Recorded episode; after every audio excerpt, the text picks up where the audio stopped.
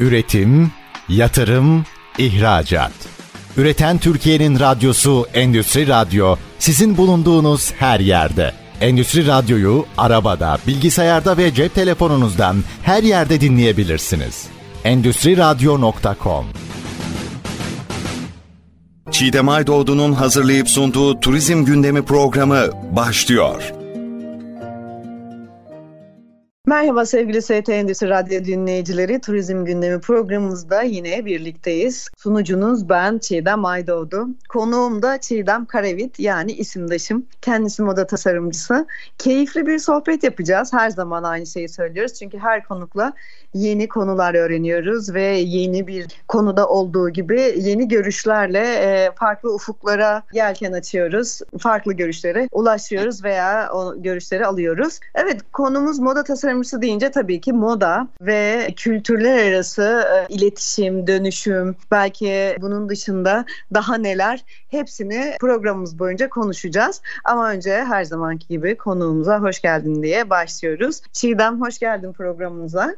Merhabalar, hoş bulduk. Çok teşekkür ederim programa kattığınız için. Çok memnunum şu anda. Çok teşekkür ederim bu fırsat için. Bizim için de gayet keyifli çünkü gerçekten e, moda diyoruz ama moda böyle sadece tek başına giyinmek değil. İçerisinde hem büyük bir emek barındırdığı gibi kültürün de aslında ürünleşmesi, belki fikrin de ürünleşmesi. İçerisinde birçok ögeyi barındırıyor. Yaratıcılık zaten hani hiç değerlendirmediğimiz bir konu ama ne yapacağız? İlerleyen sürede birçok sorumuza cevap alacağız senden. Ama önce biraz seni tanıyalım. Teşekkürler. Ben e, şöyle benim birazcık tam tersi oldu. Yurt dışında başladı erken e, kariyerimin erken yılları. E, İngiltere'de ve Hollanda'da 7-8 sene çalıştım. Asistanlık yaptım yani daha en erken yaşlarımda. Kariyerimin başlangıcında. Sonrasında moda okulu sonra geldi benim. Kanada patentli LaSalle Moda Okulu İstanbul'da açıldığında ben de geri dönüş kararı aldım. İşte moda okuluna devam ettim. Çalışma olarak da tecrübem de olduğu için okuldan mezun olduktan sonra tasarımcı olarak mezun olduktan sonra Orada eğitmen olarak kaldım bir süre. Sonra biraz Türkiye'deki markaları öğrenmek istediğim için Türkiye'deki markalarda sezon koleksiyonlarını yapmak üzere tasarımcı olarak çalıştım. Biraz piyasayı öğrenmem gerekiyordu. İstanbul'daki tekstil sektörü, kumaşçılar, gibi. Sonra akabinde kendi tasarım ofisime karar verdim. Çünkü e, yurt dışında e, bunu görmüştüm. Tasarımcılar kendi başlarına özgün olarak, özgür olarak koleksiyonları yapıp firmalara satıyorlardı. Firmalara danışmanlık veriyorlardı. Bu tabii orada gördüğüm bir şeydi daha çok. O yüzden tasarım ofisi kendi adıma açtıktan sonra en son 2017'den itibaren de kendi markam olarak yani Çiğdem Karavit olarak koleksiyonlarımı devam ediyorum. Koleksiyonlarımı yapıyorum, çalışmalarıma devam ediyorum. Sanatçılarla çok çalıştım ben. Çünkü özgün tasarım yapmak, özel tasarım yapmak e, daha ön plana geçti. Belki daha önce çalıştığım için e, sektörde tasarım ağırlıklı çalışmak e, benim tercihim oldu. Ve bu şekilde şu anda da devam ediyorum. Evet, şimdi daha sonra e, etkinliklere ve fashion week'lere geleceğiz ama önce ben mod moda denince nasıl yorumluyorsun? Bir moda tasarımcısısın, designer olarak ve uluslararası manada bunu yapan biri olarak. Moda tam olarak nedir? O yılın trendleri nasıl belirlenir ve kültürler arası iletişimi e, nasıl sağlar? Bu konudaki fikrin, düşüncen neyse bizimle paylaşırsan sevinirim. Tabii ki. Önce son söylediğin şeyden hemen yola çıkmak istiyorum. Kültürler arası iletişim çok önemli. Çünkü yüzyıllar önce hani Osmanlı döneminde moda merkezi idi burası İstanbul. E, Osmanlı İmparatorluğu zamanında daha öncesinde de tabii ki Bizans döneminde de çünkü Doğu ile Batı'yı birleştirip bu sentezden yola çıkarak Avrupa'ya kadar yayılan bir etkileşim gerçekleşti ve gerçekten modanın merkeziydi o zaman. Bu çok önemli bir şey. Bunun da işte devam etmesi, tekrar canlanması e, çok önemli e, bir şey gerçekten. Çünkü şu anda bütün tarihlerini kullanarak e, ülkeler işte krallıklarını, imparatorluklarını kullanarak bunu moda sektöründe kullanıyorlar ve çok önemli tasarımcılar ön plana geçiyor. Çok önemli trendler ön plana geçiyor ve çok büyük bir sektör, dev bir sektöre dönüşüyor bu Biliyorsunuz moda içinde kendi içinde yatay geçişleri olan bir sektör. Sadece askıda kıyafet değil.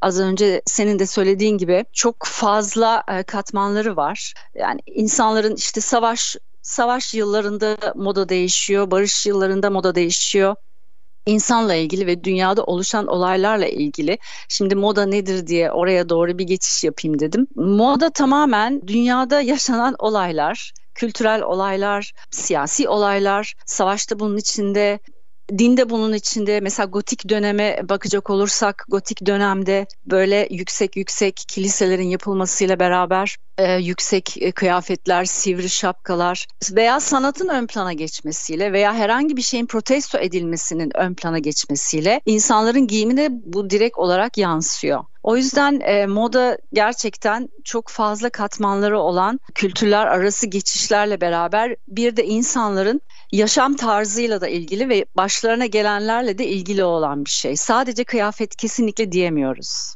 Evet, güzel de bir şekilde değindin. Evet, şimdi kıyafet döneme göre değişiyor veya o etkileyenine göre. Şu anda da tamamen tüketim çağındayız ve aldığımız her şey hemen tüketiyoruz. Kalıcı olanları ya da bir kere giyiyoruz. Çok değerli bir ürün, bir tasarımda olsa bir ikinciyi belki giymiyoruz. O nedenle gerçekten de hayatımızın gündelik yaşamının içerisinde yeme içme kadar önemli bir noktada giyinebilmek. Giyinebilmenin sanatlaşmış hali de moda anladığım kadarıyla ya da benim düşüncem. Burada kreasyonlara hemen geçmek istiyorum. Kreasyonu, koleksiyonu oluştururken o doğuş veya o esinlenme, o fikri ürüne dönüştürme süreçlerinde neler yaşanıyor?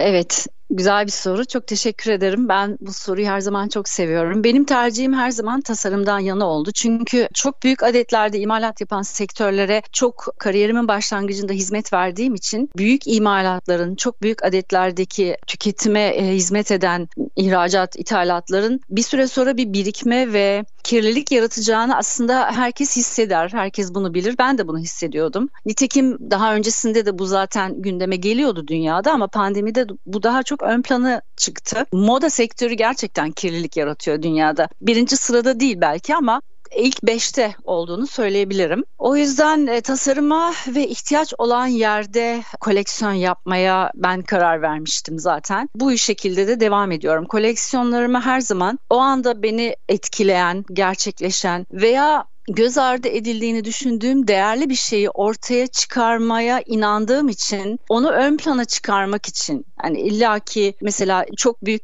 diyelim ki çok çok büyük bir olay oldu ve o olay üzerine tasarımcı olarak ben etkilendim ve bir koleksiyon yapmaya karar verdim. Ben bunun bazen tam tersini de düşünüyorum. Çok önemli olduğuna inandığım ama yeterince değer ver, verilmediğini düşündüğüm bir şeye e, daha çok etkilenip onun üzerinden e, koleksiyonu yapmaya karar veriyorum. Onu tabii ki her zaman yaparken giyilebilir, uygulanabilir, güncel bir hale ve modern bir hale. Çizgim zaten benim modern genel olarak sen de biliyorsun. E, modern bir hale getirip o şekilde üretiyorum ve özel tasarım yapıyorum. Benim her zaman için özgün tasarımlarım var. Esinleniyorum ama mümkün olduğu kadar özgün olması benim için en önemli şey. Esinlenme kaynağı hikaye nereden doğuyor? Onu planlıyor musun yoksa böyle o yılın modası şu ya da akım var bu gibi bir yoldan mı ilerleniyor? Esinlenme kaynağı esasında o anda karşıma çıkan herhangi bir şey değil. Ben kendim herhangi bir şey isyan etmek istiyor da olabilirim. Veya bir kumaş gördüğüm zaman o kumaş, o kumaşın duruşu bir anda benim aklıma bir şey getiriyor olabilir. Bu o kadar değişken ki sadece bu veya sadece şu demem imkansız. Veya karşımda oturan bir insan e, birdenbire bir hareket yapıyor olabilir. Koltuktan kalkıp işte masaya doğru yürürken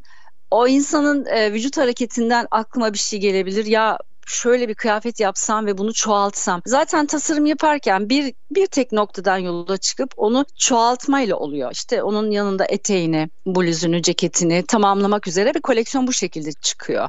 Benim e, o şekilde. Onun için çok önemli bir konudan da esinlenebilirim. Gerçekten çok derin, çok önemli, çok kültürel ama birdenbire çok çok basit bir şeyden de esinlenebilirim. Bu hiçbir zaman net olarak belli olmuyor. Bilmiyorum soruna cevap verebildim mi ama. Çok çok güzel kesinlikle. Bir de moda ile tekstil. Tekstili aslında moda kumaşa şekil veriyor. Ama tekstilde e, tabii ki bu seri üretimler ondan sonra topluca ticareti de yaptığımız bir konu. Ama moda tasarlamak ve özel kreasyonlar ya da hot couture demek lazım herhalde. Bu bambaşka işin sanatı diye algılıyorum. Doğru mu Evet çok çok çok doğru. Şu anda günümüzde daha da fazla sanat oldu. Çünkü imalatlarda veya işte giyilebilir, daha çok satılabilir, kurumsal üretim yapan markalarda yine mesela kalıpları modelistler çıkarıyor, işte çizimleri e, yine bizim gibi designerlar, tasarımcılar yapıyordu. Şimdi artık internete de dönüştüğü için yani o zaman bu da çok uzak bir zamandan bahsetmiyorum mesela biliyorsunuz. Bunların internet şey dijital ortamda yapılması çok eski bir zamana dayanmıyor. Yakın zamana kadar insan eli değiyordu yine. Şu anda insan eli çekiyor kendini artık. Çizimler Hı. bilgisayarda yapılıyor. işte kalıplar e, otomatik çıkıyor. O yüzden gitgide hot couture daha çok sanata e, dönüşmeye başladı. Olduğundan daha fazla sanata dönüşmeye başladı. Çünkü çalıştığınız teknik ekip artık yeni jenerasyonlar geldiği için onlar da bilgisayarda bazı şeyler yapmak istiyorlar. Bir şeyler tarif ettiğiniz zaman, yaratıcı bir şeyler tarif ettiğiniz zaman yabancılaşma çekiyorlar bundan. Eleştirmek için asla söylemiyorum. Tabii ki bu yeni bir süreç. E, tabii ki yeni dönemleri yaşayacağız ve öğreneceğiz ve içine dahil olacağız çalışmaya devam ettiğimiz sürece. Ancak hiç olmadığı kadar sanata dönüştü şu anda. Ben öyle hissediyorum. E, onun için fikrimi de bu şekilde paylaşmak istedim seninle. Aslında güzel, farklı bir şey söyledin orada. Yazılımla tasarım ve güncel ihtiyaçlara yönelik dizaynlar yapılıyor dedin teknoloji girdiği için. Bu çok e, ilginç geldi şimdi bana. Hiç o, tabii işin içinde olmadığım için ben sadece alıp mağazadan giyiyorum birçok kişi gibi. Ondan dolayı yani yazılımla bir programla tasarımı çözmek, onu kalıba dökmek ve sonra bunu makineye aktarmak uzay çağı gibi e, değişik bir hayal oluşturdu. Evet kesinlikle uzay çağı tabii kesinlikle öyle. Onun için giyilen tasarımlar da çok koptu birbirinden. Aslında bu son tarzları ben çok beğeniyorum. Fakat yine de mesela bir film var Odessa 2001 diye. Orada da mesela çok ileri çağa kadar gidiyor filmin sonuna kadar bilmiyorum izlediniz mi ama şöyle bir spoiler olarak söyleyeceğim. En sonunda uzayda işte evi olduğunu düşündüğümüz bir yerde fakat masanın üstünde işte birkaç sanat eseri var. Yerdeki karolar sanat eserlerinin insan tarafından yapıldığı döneme ait bir şekilde döşenmiş ve hala bir çağrışım var. Yani bir insanın, insanoğlunun beyin ve ruhla ve elini kullanarak bir şeyler yapabiliyor olması ne kadar uzay çağı olursa olsun insan var olduğu sürece devam edecek. O yüzden beni daha çok tasarıma itiyor, daha çok hot couture'e itiyor, daha çok özgün şeyler yapmaya daha fazla itiyor bu yüzden. Buna inandığım için. Ama senin yorumun da gerçekten çok güzel. Gerçekten e, şu anda biz onun e, ayak seslerini işitiyoruz. Bu daha da ileriye gidecektir kesinlikle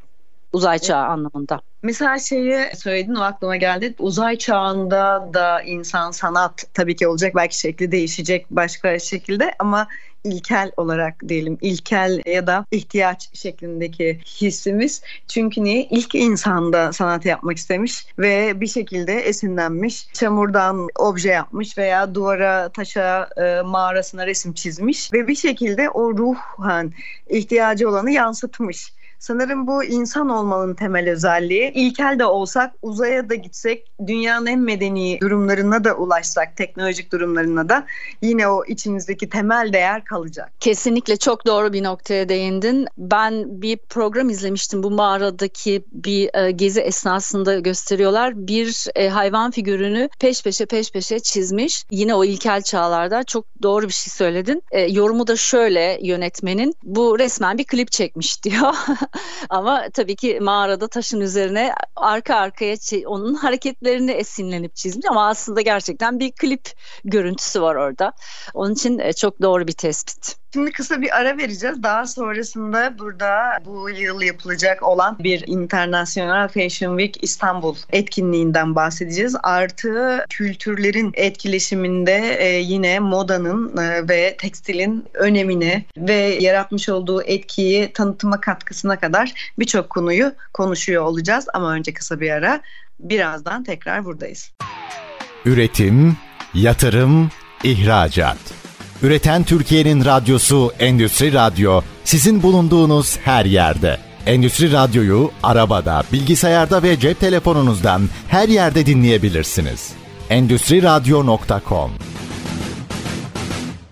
Evet sevgili ST Endüstri Radyo dinleyicileri Turizm Gündemi programımızın ikinci bölümündeyiz. Konuğumuz Çiğdem Karavit, moda tasarımcısı. Evet giyinmekten, modadan ve modanın sanata dönüşmesinden, tasarımdan dizayna, bunun ilkel çağdan uzay çağına olan süreçlerini kısa bir şekilde 15 dakikada anlattık. Ama şimdi ikinci bölümümüzde moda tasarımcısı Çiğdem Karavit ile sohbetimizi devam ederken ilk sorum bu yıl e, ilki gerçekleşecek olan birçok yabancı dizaynerin katıldığı bir etkinlik olacak olacak. Evet bu etkinlikle ilgili fikir nasıl doğdu, süreç nasıl oldu ve açılımları tabii ara ara benim de sorularım olacak. Size sormak istiyorum. Hemen alışkanlık size diye böyle gidiyor. Sana sormak istiyorum. Evet etkinliğimizin fikri nasıl oluştu? Daha önce hangi ülkelerde e, yapılıyordu? Şimdi Türkiye'de yapılacak olması süreci. Bunların cevabını aldıktan sonra da etkinlik takvimine geçeceğim. Ama önce mikrofon sende. Söz sende. Tamam teşekkürler. Şöyle ben moda tasarımcısı olarak devam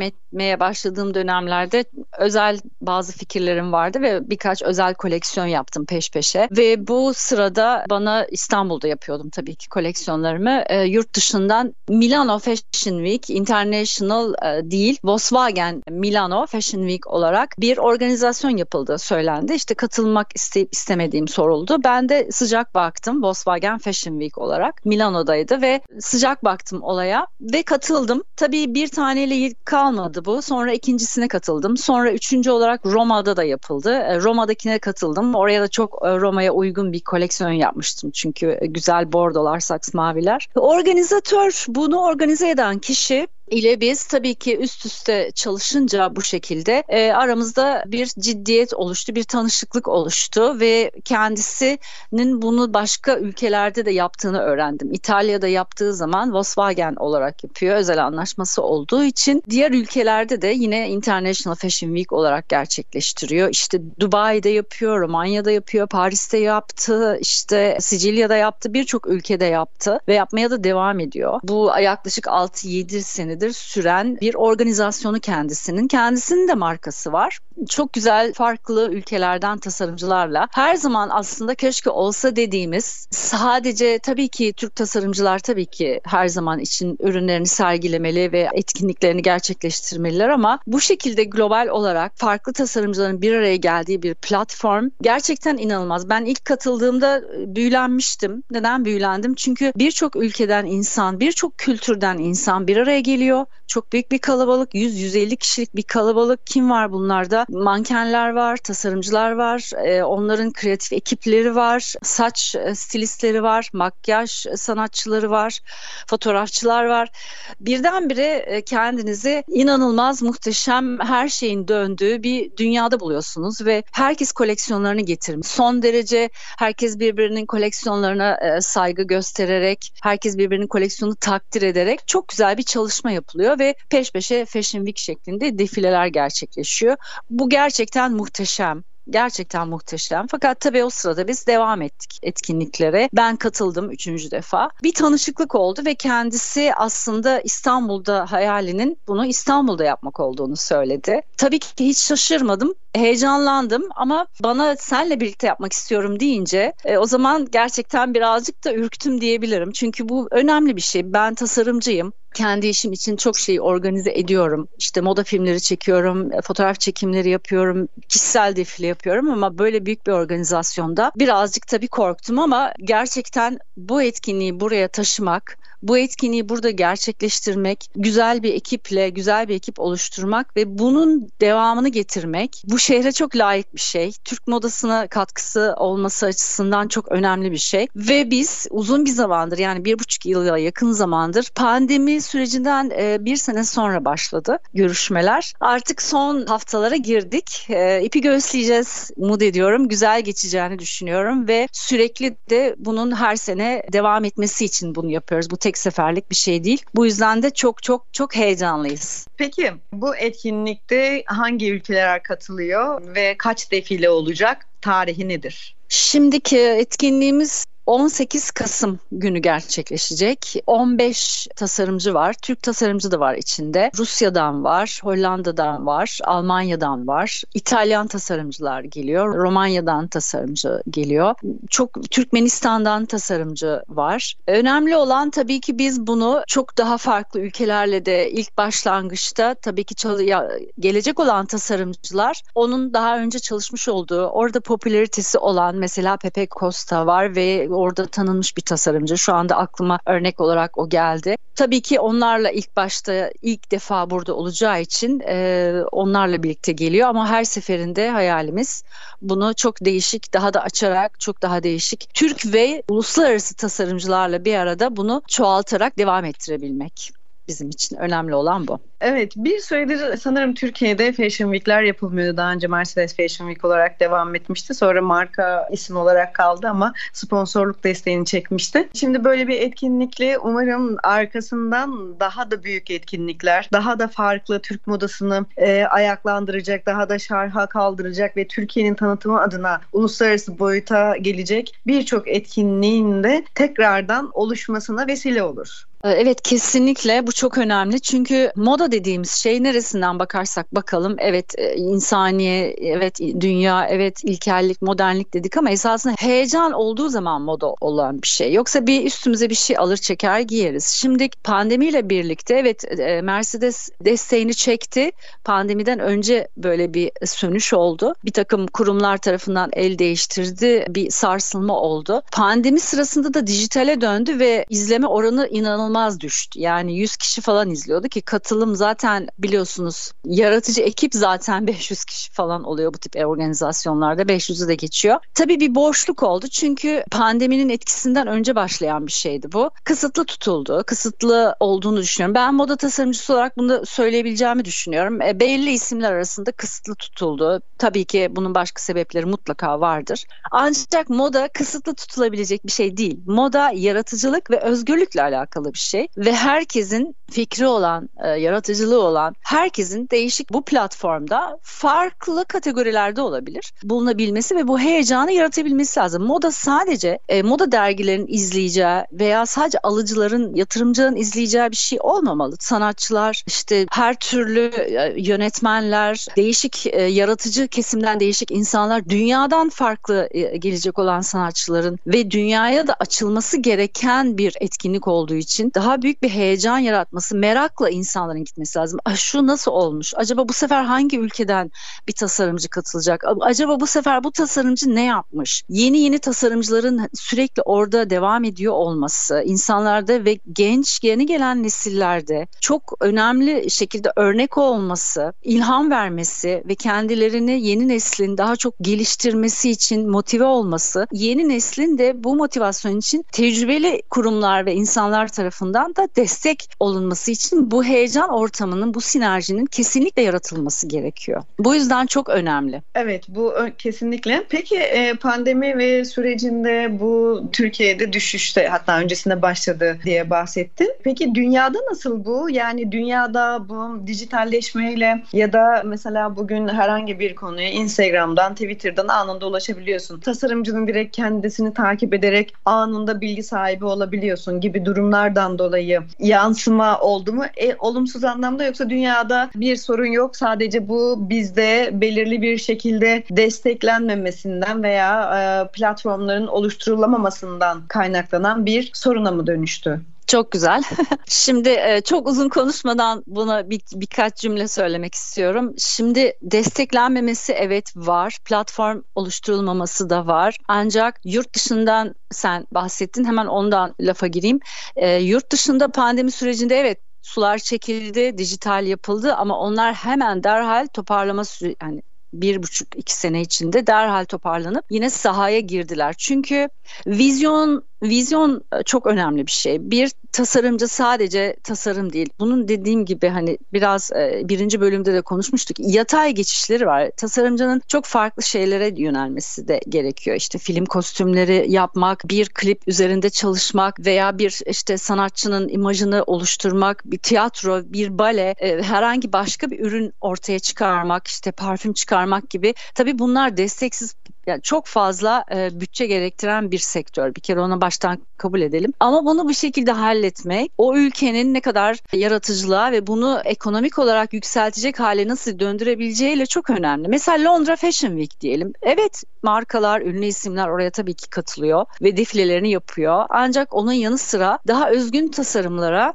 Ayrıca bir kategori açılıyor, bir platform açılıyor, ikinci bir gün veriliyor. Yani bunu bir kişi tek başına, bir organizatör tek başına yapmıyor. Bu bir takım desteklerle, bir takım e, olanaklar verilmesiyle vizyon, vizyon sahibi, yönetici, kişilerin diyelim ben sadece hükümet devlet anlamında demek istemiyorum ama bir takım kurumların başında da vizyona ihtiyaç var.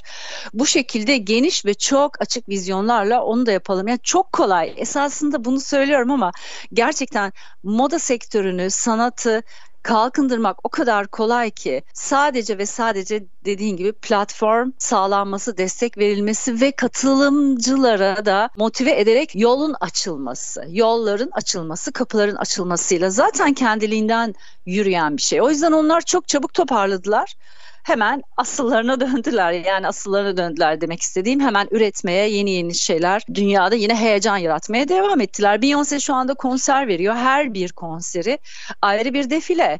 Yani her bir konserine artık e, bir sene önce e, çalışmaya başladıklarını okumuştum ben dansçılarından tabii ki herkese kadar yani sadece dansçılara biz sadece beyaz tight giydir verelim üstüne de siyah birer tişört giysinler değil yani bir hikaye anlatıyorsa bir müzisyen de orada çıkıp hikayesini anlatabilmesi için dansçılarına kadar veya arkada varsa canlı orkestrası ya da DJ varsa arkada görev alan kendisi herkes ona göre giyinip ona göre tasarlanıp ona göre şova dönüştürülüyor. Bu heyecan yaratmak böyle bir şey esasında. Sadece herkes Beyoncé kadar yapmasa bile çok farklı bir şekilde ortaya çıkarıp o heyecanı yaratabilir. Şimdi yine ikinci bölümü sonlandırıp üçüncü bölüm için bir kısa ara vereceğim ama öncesinde şöyle e, bir konuya da değinmek istiyorum. O bahsettiğiniz hikayeyi şova dönüştürmek, müziğe ve dansa kadar hepsini bütünleştiren bir noktada e, moda. E, burada tasarım ve modanın hikayeleştirilmesinin e, ülke tanıtımına katkıları, kültürüne, turizmine katkılarını birazdan da konuşmak isteyeceğim. Üçüncü bölümde hatta Cemil İpekçi'nin Azra Akın'a dikmiş olduğu basma bir elbise hikayesi vardı. Hem kültürümüz ve ki Avrupa e, birincisi olmuştu o yarışmada da. Böyle de bir dipnot düşmek istedim. Kısa bir ara veriyoruz. Konuğumuz Çiğdem Karavit ile moda konuşmaya ve modanın tanıtıma katkısından kültürler arası iletişime kadar olan etkisini konuşmaya 3. bölümümüzde de devam edeceğiz. Reklamlardan sonra buradayız. Üretim, yatırım, ihracat. Üreten Türkiye'nin radyosu Endüstri Radyo sizin bulunduğunuz her yerde. Endüstri Radyo'yu arabada, bilgisayarda ve cep telefonunuzdan her yerde dinleyebilirsiniz. Endüstri Radyo.com Evet sevgili ST Endüstri Radyo dinleyicileri Turizm Gündemi programında yine e, birlikteyiz ve üçüncü bölümümüze geldik. Üçüncü bölümümüzde e, Çiğdem konuğumuz Çiğdem Karavit ile moda üzerine sohbetimizi devam ediyoruz. Evet etkinliğimizden bahsetmiştik. Yine etkinliği kısaca etkinlikle başlayalım. Sonra bunun kültür elçiliğine dönen yerel motiflerin uluslararası tasarımcılar aracılığıyla uluslararası alana taşınmasını konuşalım. Ama evet etkinliğinizde daha detaylı biraz daha bilgi alayım. Bu arada Boğaz turu yaparak bu yabancı gelecek konuklara ki 150-200 kişi yine Türkiye'nin tanıtımına devam edilecek ve bunun gibi başka etkinlikler de var içeride. Bu konularda bir sizin etkinliğinize dönelim. Etkinlikle ilgili şöyle şimdi ilk defa yabancı tasarımcılar ilk defa geliyor. Ben şöyle düşünüyorum. Geçmişte, geçmiş tarihimizde nasıl e, yabancılar çok etkilendilerse şu anda da yabancı tasarımcıların burada kendi koleksiyonlarını getirmeleri yanı sıra burada da gördükleri birçok şeyden etkilenecekler vardır. Bu etkileşim az önce sen konuşurken ben de e, böyle bir ortaya çıkardı. Onlar da tekrar koleksiyonlarında belki de buradan esinlenecekler. Bir bilgi alışverişi olacak ve ondan sonra Türk tasarımcıları oraya davet edecekler. Ve dediğim gibi daha geniş bir vizyonla daha bunun devamında önemli olan bu etkinliği devam ettirmek. İlk sefer evet çok güzel biz gerçekten çok heyecanlıyız şu anda. İlk sefer olduğu için ayrı bir heyecanlıyız ama bunun devamı olacağı için de çok heyecanlıyız. Bu etkileşim gerçekten çok önemli. Çünkü onlar da bizim kültürümüzden etkilenecekler. Biz yıllarca Batı'nın kültüründen etkilendik zaten. Ben yurt dışında çalıştığım dönemlerde e, birebir zaten tarzım da modern olduğu için birebir etkilendim. Ama onların da bizim tarzımızda çünkü inanılmaz bir e, kaynak ve kültür birikimimiz var. Ben birkaç tanesini kullandım koleksiyonlarımda. Ancak yetmiyor o kadar çok ki hangisini yapacağınızı şaşırıyorsunuz. Düşünsenize bütün dünyanın yavaş yavaş yabancı tasarımcıların da buradan esinlenerek pek çok şey yaptığını ya da Türk tasarımcıların evet Cemil İpekçi çok güzel bir örnek. Ben de onu hiç unutamıyorum ama çok az. Burada benim endişem sadece bir, iki, üç tane olması. E, Rıfat Özbek yaptı. işte Osmanlı çinilerini yaptı yaptı. Çok güzel bir ses getirdi. Dünya çapında bir moda tasarımcısıydı. Çok başarılıydı. İşte Cemil İpekçi'nin o güzellik yarışmasında o elbiseyi yapmış olması. Ama bunlar bir elin parmakları arasında kalıyor. Bu çarpı 500 olmalı. Her yerden, dünyanın her yerinden, her yerine gitmeli, her yerinden akmalı. O zaman zaten biz istediği başarılı bir çizgiye getirmiş oluruz. Yani diyorlar ya tabii ki ben yönetmen değilim ama diyorlar Türk sinemasının bir tarzı yok. İşte Türk edebiyatının tarzı. Eleştirmek için söylemiyorum ama daha çok adet olacak ki, daha çok etkinlik olacak ki, bunlar çoğalacak ki bir etki oluştursun. Oluyor, birkaç kahramanımız oluyor ama o kahramanlar tabii ki o kadar büyük bir olay yaratamıyor. Devamlılığı sürekli ve gelecek olan nesillere de sağlam bir zemin hazırlamak adına bu çok önemli bir şey. Onun için her zaman bir Türk tasarımcı kendini ispat edebilmek için örnek ben de öyle mesela ilk koleksiyonunu gidip yurt dışında e, tanıtmak istiyor. Şu anda böyle. Pandemiden sonra özellikle böyle oldu. Herkes yurt dışına gidiyor. Neden? Neden? Bunun sorusunu herkese sormak lazım. Evet. Peki Türk modasını tanıtmak için neler e, yapmalıyız? Daha fazla etkinlik dedik. Daha fazla tasarımcı yetişmek gerekiyor. Ondan sonra burada yapılması gereken daha fazla ne var? Tanıtım filmleri dedik. Mesela sizin yaptığınız etkinliklerde var. Bireysel girişimler var.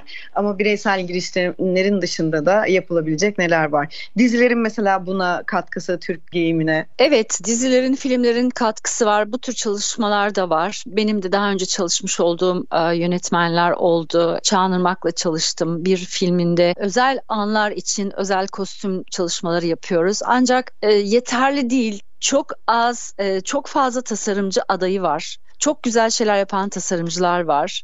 Yine başa döneceğiz ama bunlara uygun bir platform, destek, alan açmak, sadece defile yapmak değil. Bir filmi, evet kostüm kostüm ekibi çok önemli. İşte toparlıyorsunuz, işte o kombin yapıyorsunuz ama başından beri bir tasarımcının nezaretinde. Ya şöyle bir örnek vereyim ben size. Ben bir yabancı bir ekiple bir reklam filmi çekmiştim ve reklam filminin kostüm cüsü var, sanat danışmanı var. E, ama sadece bir reklam filmi için bir tasarımcıyla çalışmak ihtiyacını hissettik dediler. Ve bir tasarımcı olarak beni de ekibe kattılar. Halbuki hazır kostüm alıp üstüne işte apalet kondurulacaktı gibi. Burada tasarımcıları katmak çok önemli bir şey. Şimdi biraz hani ben çok çaba gösterdiğim için işte yıllardır çalıştığım için kendim yapmış olabilirim ama dediğim gibi biz böyle birkaç kişiyle olacak bir şey değil. Bazen yine vizyona dönüyoruz. Tasarımcıları katmak, kurumsal ve tasarım ayrı bir şey değil. Biz moda okulunda ders verirken de aynı şekilde söylüyorduk. Yani kurumsal firmaların tasarımcılarla daha çok yakınlaşması, daha çok işbirliği yapması.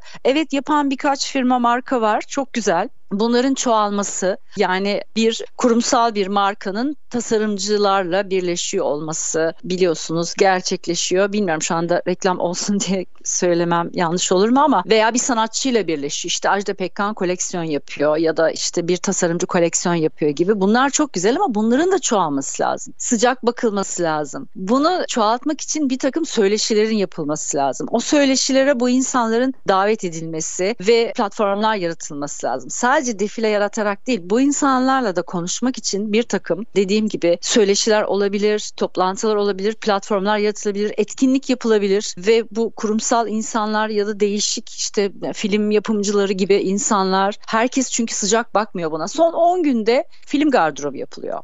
Son 10 günde yapılıyor. Ben tabii ki çok çok harika arkadaşlarımız var. Bu işlerde mucizeler yaratıyorlar ama gerçekten o filmin kostümünün ne kadar önemli olduğunu Orson Welles bile Orson Welles bile bir filminde bunu inanılmaz şekilde vurgulayarak çekti.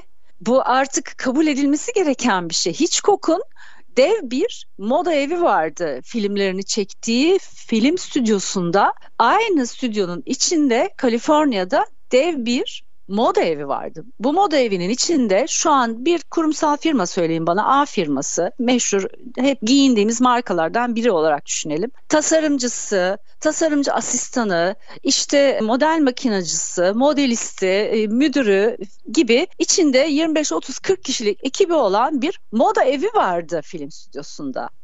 Yani şimdi ama bunu da 40'lı yıllarda yapmışlar, 30'lu yıllarda yapmışlar. Biz 2023 senesindeyiz. Hala o bize çok uzak. Hala o bize çok yabancı bir kavram. O yüzden sadece moda tasarımcıların defile yapması yeterli değil. Başka başka bir zemin ve başka başka platformlar da gerekiyor diye düşünüyorum ben. Evet bu söylediğimizde mesela güzel bir örnek de şu bizde Muhteşem Yüzyıl ya da benzeri diziler çekildi ve bunların platoları ve oluşturulan setler muhteşemdi.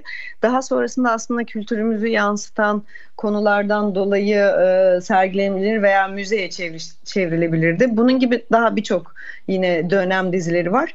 Fakat hiç bunlarla ilgili daha sonra plato veya ziyaret edilebilir bir alana dönüşmedi. Ne kıyafetleri ne setleri. Hani şu anda belirli bir şekilde değerlendirildi. Belki bir yerlerde bekletiliyorsa falan ama turizmin içinde birileri olarak sadece bunlarla ilgili işte e, şurada müzeleştirildi. Hem set tasarımlarının, dizaynlarının hem kıyafetlerin sergilendiği bir yer diye bir bilgim yok benim. Belki benim bilgisizliğimdir. Çok çok önemli bir aslında fırsatı değerlendirememek gibi üretilmiş ürünü hikayeye ve e, daha sonra da gelire çevirememek gibi bir durum. Kesinlikle, kesinlikle çok doğru bir yaklaşım. Zaten e, yatay sektörde yatay açılımlar olması derken tamamen bunu da kastediyorum bir anlamda. O kadar geniş bir yatay bir açılım var ki burada çok başarılı olmuş. Muhteşem Yüzyıl başarılı olmuş. Ben bir örnek daha vereceğim. Aşkı Memnu başarılı olmuş. Çok güzel çalışılmış üzerinde. Kostümlerle de konuşulmuş. Yani kostümlerin de etkisiyle İnsanlar sadece konuşarak değil, üstündeki giydiğiyle de kendini ifade eder. O yüzden sonrası, öncesi ve dediğin gibi bunun değerlendirilmesi, çeşitli kurumlar tarafından gezdirilmesi, müzeye çevrilmesi bu çok önemli bir şey. Dediğim gibi sadece ve sadece moda etkinliği bir şovdan başka öteye gidemiyor maalesef. Diğer sektörlerinde burada vizyon, geniş bir vizyonla bunu değerlendirmesi gerekiyor. Yaptık oldu bitti anlayışı öldürüyor ve maalesef aynı insanların etrafında aynı isimlerin etrafında dönen donuk bir e, paylaşıma dönüşüyor. Şu anda dijital ortamdayız evet şu yapıldı, burada bu yapıldı, burada bu yapıldı şeklinde bitti hemen geçiyoruz o sayfayı. Ama o değil. Biz canlı insanlarla canlı bir şeyler yaratabilmemiz e, gerekiyor. Bu verdiğin örnek çok doğruydu. Teşekkür ederim. Ben de teşekkür ediyorum. Bu arada Türkiye modası yurt dışından bakıldığında nasıl görülüyor? İlgi görüyor mesela uluslararası defilere katıldığında? Evet ben çok ilgi görmüştüm diye birazcık kendime böyle moral yapayım etkinlik öncesi. Ee, gerçekten görüyor, gerçekten beğeniliyor. Benimle birlikte diğer Türk markaları da katılmıştı. Ee, bir gelinlik firması vardı, çok beğenildi. Bir abiye markası vardı, ee, o da çok güzeldi. Hatta onun e, koleksiyonunu Dubai'ye götürmek istediler. Beğeniliyor. Adımınızı yurt dışına attığınızda emek vermişseniz, güzel bir şeyler yapmışsanız çok da iddialı olması gerekmiyor. Böyle güzel tatlı bir şeyler yapıp güzel bir emek vermişseniz hemen takdir ediliyorsunuz. Ben burada hani şunu demek de istemiyorum asla. Burada takdir edilmiyoruz, orada ediliyoruz. Ama maalesef orada çok daha geniş bir vizyon var. Yani bunu kabul etmek zorundayız. Oraya giden çok ünlü tasarımcılarımız var biliyorsunuz. Onlar oradan yükselip hepsi isim yaptılar ama maalesef oraya gidince Türk tasarımcıların kıymeti biliniyor. Gelip burada hiç kimse biz İtalya'ya gidiyoruz İtalyan tasarımcılar için ya da Fransız tasarımcılar için koşu koşu Paris'e gidiyoruz. Onların dükkanlarının olduğu sokaklarda yürüyoruz. Onların dükkanlarına sıktığı o şahane parfümleri koklamak istiyoruz. Alamasak bile çok pahalı oldukları için girip bakıyoruz neyi nasıl yapmış diye. Sadece modacı olmanız gerekmiyor. Normal insanlar da gidiyor ama onların bize de gelmesi gerekiyor ve sadece imalat imalat için değil tamam. Burada birçok marka imalat yapıyor. İşte Hugo Boss yapıyor, e, Zara yapıyor. Yani bir birçok marka yapıyor. Ama imalat da yapılsın. Tabii ki sektör oluşsun, para kazanılsın ama bizim tarzımız için, bizim tasarımcılarımız için de buraya gelsinler koşarak. Buraya İstanbul'a gelsinler, merak etsinler. Ne oldu, ne bitti? İşte bu tasarımcı acaba ne yaptı? Veya oradan alıp esinlenmek istesinler, giymek istesinler, yüksek fiyatlara hakkını verecek şekilde parasını ödeyerek satın almak istesinler, sipariş versinler. Sadece fuara katılmak da değil. Bunu oluşturmak çok önemli bir şey. Şu anda bunun eksik olduğunu düşünüyorum. Evet ben burada bir e, de tabii aklıma şu geldi. Kendi yerel kültürel kimliklerimizle bunu yapabilmek. Avrupa'yı çizgiler tabii ki önemli. Uluslararası standartlarda ya da o arenada var olabilecek bir vizyona sahip olmak da çok önemli. Ama etnik e, ve yöresel çizgilerden de bir moda, bir kimlik, bir anlatım tarzı, hikaye oluşturabilir miyiz? Oluşturabiliyor muyuz? Evet ya açıkçası artık yaşadığı internet döneminde yaşadığımız için dijital dönemde yaşadığımız için artık olabiliyor. Çünkü bütün kültürler birbirini görüp izleyebiliyor. Daha öncesinde biraz daha konservatifti yani etnikse etnikti. Etnik bir şeyi atıyorum Paris'te Milano'da satmak istiyorsan modernize edip Avrupa'yı bir hale batılılaştırıp götürüp satman gerekiyordu. İşte ufak bir şey koyup yine batılı bir şey yapman gerekiyordu. Şu anda öyle değil artık. Şu anda çok etnik bir e, gömleğin altına kot pantolonla çıkabilirsin ve bu globalleşmeden dolayı kesinlikle kültürler birbirine yabancı değil artık. E, bunu çok rahatlıkla bizim de o kadar çok sunabileceğimiz o kadar çok şey var ki. Tabii ki etnik derken folklorikle etniği karıştırmamak lazım. Çünkü hani folklorik olduğu zaman da biraz o ki ona bile yavaş yavaş gitmiyor değil insanlar onu da söyleyeyim. E, etkileşim arttıkça internet çağında e, bu da kabullenme de artmaya başlıyor. Farkındaysanız giyim tarzı inanılmaz derecede değişti ve inanılmaz derecede özgürleşti. Yani insanlar çok farklı kombinler görüyorum ben ve bu da beni çok mutlu ediyor. Çok mutlu ediyor. Onun için e, şu anda tam zamanı kültürel bütün e, kaynaklarımızı ön plana çıkarmanın tam zamanı. İnternet çağındayız. Ve konuşulacak aslında bunun üzerine özgürleşmek, kıyafet, giyim, enteresan bir dışa vurum aynı zamanda ve kimlik üzerine, insanın imajı üzerine, kişiyi nasıl anlatıyor çok daha konuşacağımız konu var ama biz bunları konuşamıyoruz çünkü programımızın sonuna geldik. Eklemek istediğiniz bir şey var mı? Eklemek istediğim son 4 haftaya girdik. Ee, böyle bir etkinliği ilk defa yapanlardan olduğum için e, çok mutluyum. Çok güzel bir ekip oluşturduk ve bundan sonrasında da en güzel şekilde şekilde devam etmek istiyorum. Katkıda bulunan herkes için ve bu programda da bana yer verdiğiniz için çok çok teşekkür ediyorum. Konuğumuz Çiğdem Karavit'le sohbetimizi noktalandırıyoruz. Yeni bir e, programla, yeni konuğumuzla görüşünceye kadar. Hoşçakalın.